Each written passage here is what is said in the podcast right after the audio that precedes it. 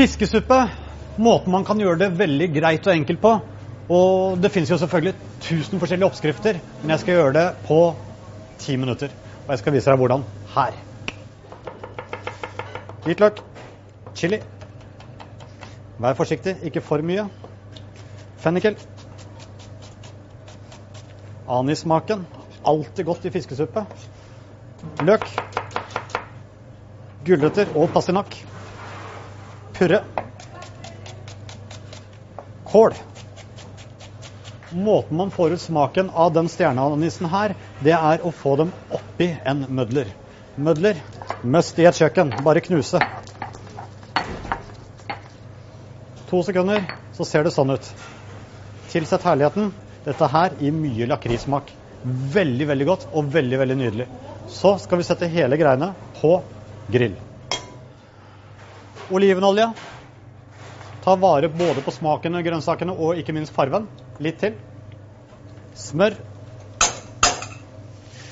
Når grønnsakene har surra ordentlig, så tar du og tilsetter litt hvitvin. Lar det frese godt inn, så alkoholen blomstrer ut. Og så tar vi og tilsetter fiskekraft. Og lar dette her stå og koke godt i ca. to minutter.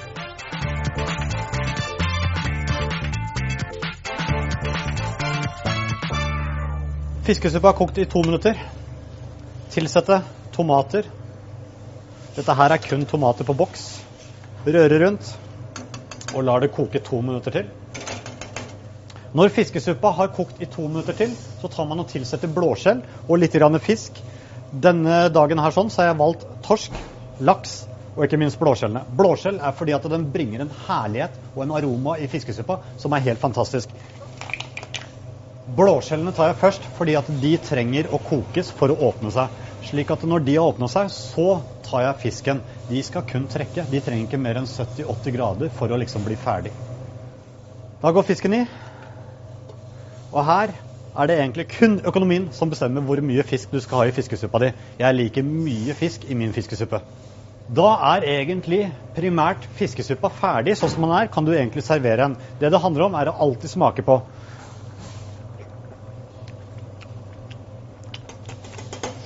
Trenger litt mer salt. Det gjør man enkelt. Og kanskje litt mer pepper. Denne kan du servere som en tomatisert fiskesuppe, eller så kan du også faktisk putte fløte oppi den. Fløte gjør at den blir mektigere, mer fett inn etc., men den blir også mye rundere. Valget er ditt. Jeg elsker denne fløten. Da er det egentlig bare å smake en siste gang. Sånn. Åh. Da er jeg klar for å legge opp.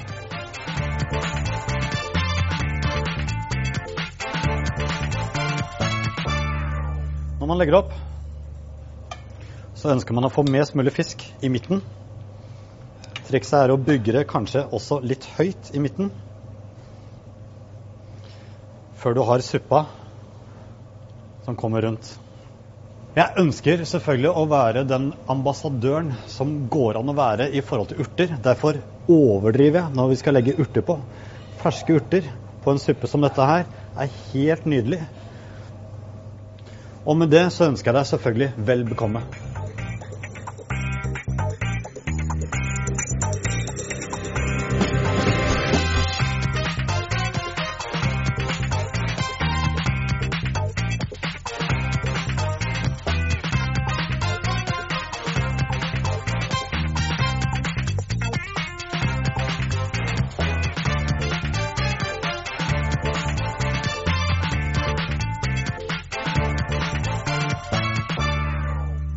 I tillegg til den retten, så har jeg faktisk enda en rett som går enda kjappere, og det har jeg lyst til å vise deg her. Cæsarsalat, den klassiske, originale måten å lage en cæsarsalat på. De fleste tror faktisk at den er fra keiser Cæsar, men den er faktisk ikke det. Den er fra en kokk som het Cæsar Sardini. Kanskje det var derfor den skal brukes litt grann sardiner eller ansjos, som vi velger i dag. Måten man gjør det på, det er å ta en kyllingbryst i dag og ta og toppe selve cesarsalaten med kyllingbryst. Man kan bruke andre ting også. F.eks. så kan du bruke bacon, du kan bruke laks, du kan bruke egentlig hva fantasien tilsier. Men i dag så er det kyllingbryst. Og måten man kan få en best mulig smak på med skinn, det er å åpne en liten lomme. Og i den lomma så bruker man da f.eks. urter kanskje salvie. I dag så bruker vi timian. Eh, litt hvitløk, som er kjempegodt å bruke selvfølgelig i en kyllingbryst.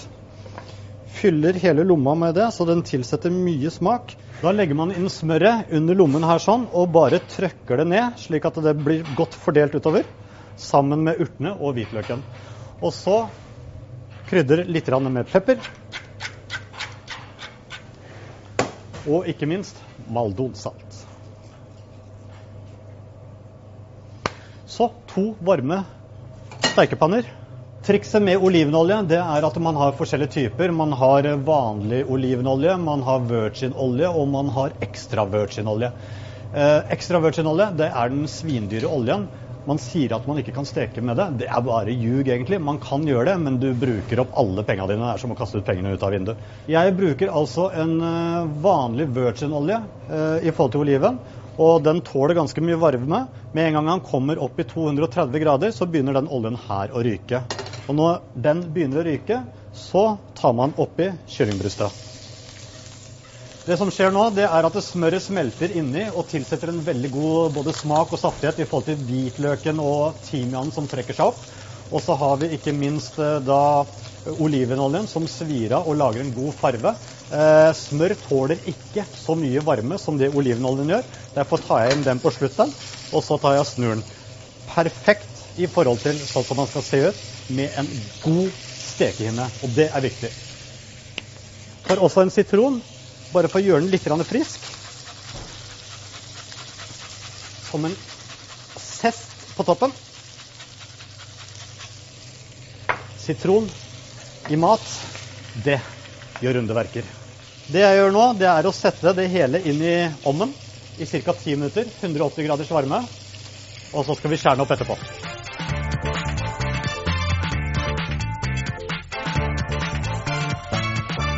Neste vi gjør, er krutonger. Krutonger er veldig enkelt å lage. Det er et gammelt brød som du har i brødskuffen. Eh, skjær det opp i tynne skiver.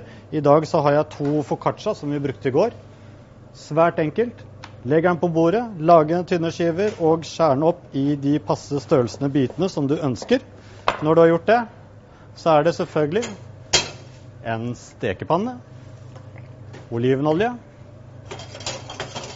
med en gang du ser antydning til at den begynner å ryke, det gjør den der, så tar vi brød. Sammen med det brødet så kan du gjerne helle noen hvitløksbiter oppi, så du får en deilig hvitløksaroma oppi her. sånn. Så skal det bare stekes krisp og lage en fin farve, og så skal det bli tørt som mulig på kortest mulig tid. Cæsardressing, den klassiske, kan gjøres på mange forskjellige måter. Eh, egentlig så er det kun egg som du tar og eh, henter ut plomme av. Når den plomma er oppi, så tar vi en eh, liten hvitløksbåt og uh, ikke minst litt grann sitron med skall. litt ansjos, som er veldig viktig. Brukes som en salt, faktisk, i cæsardressingen. Og så, ikke minst, dijon-sennepen som gjør underverker i hele Cæsaren. Vi liker også veldig godt parmesan, som tilfører en fantastisk smak i en cæsardressing. Når man har gjort det, så tar man olje, ca. et par desiliter. Og så kommer det fantastiske trikset. Alle tror at denne skiller seg og bruker altfor lang tid. Men så lenge du stikker den her helt nedi bånn, begynner ganske rolig,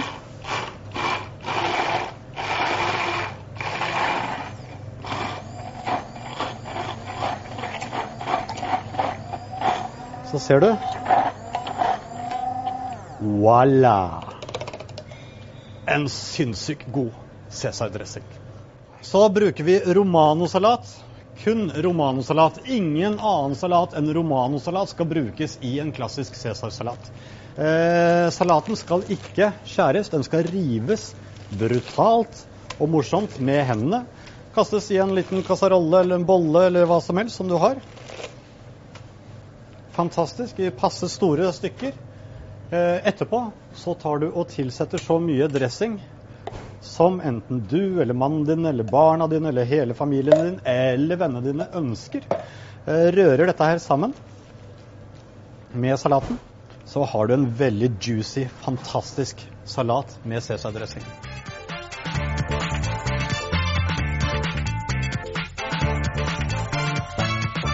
Da er kyllingen ferdig. Måten man ser at den er eh, ferdig på, det gjør du egentlig ikke før du har åpna den. Så lenge man presser litt på den, og det kommer bare sånn skum, ser du det? Sånn hvitt skum.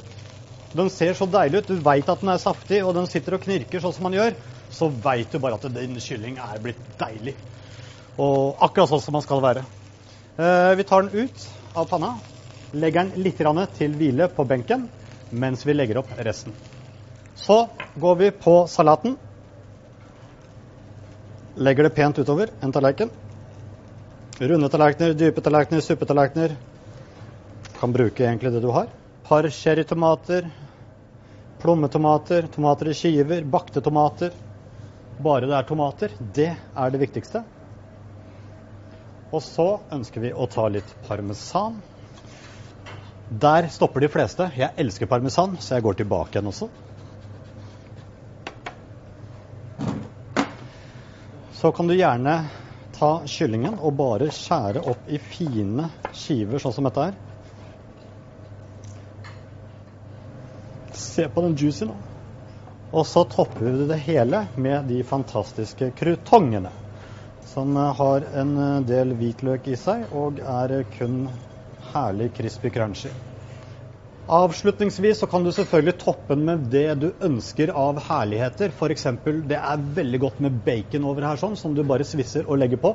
Eh, avokado er helt nydelig, eller noen rotfrukter etc. Jeg velger å servere en sånn i dag fordi at den er enkel, den er klassisk, så derfor sier jeg bare vel bekomme.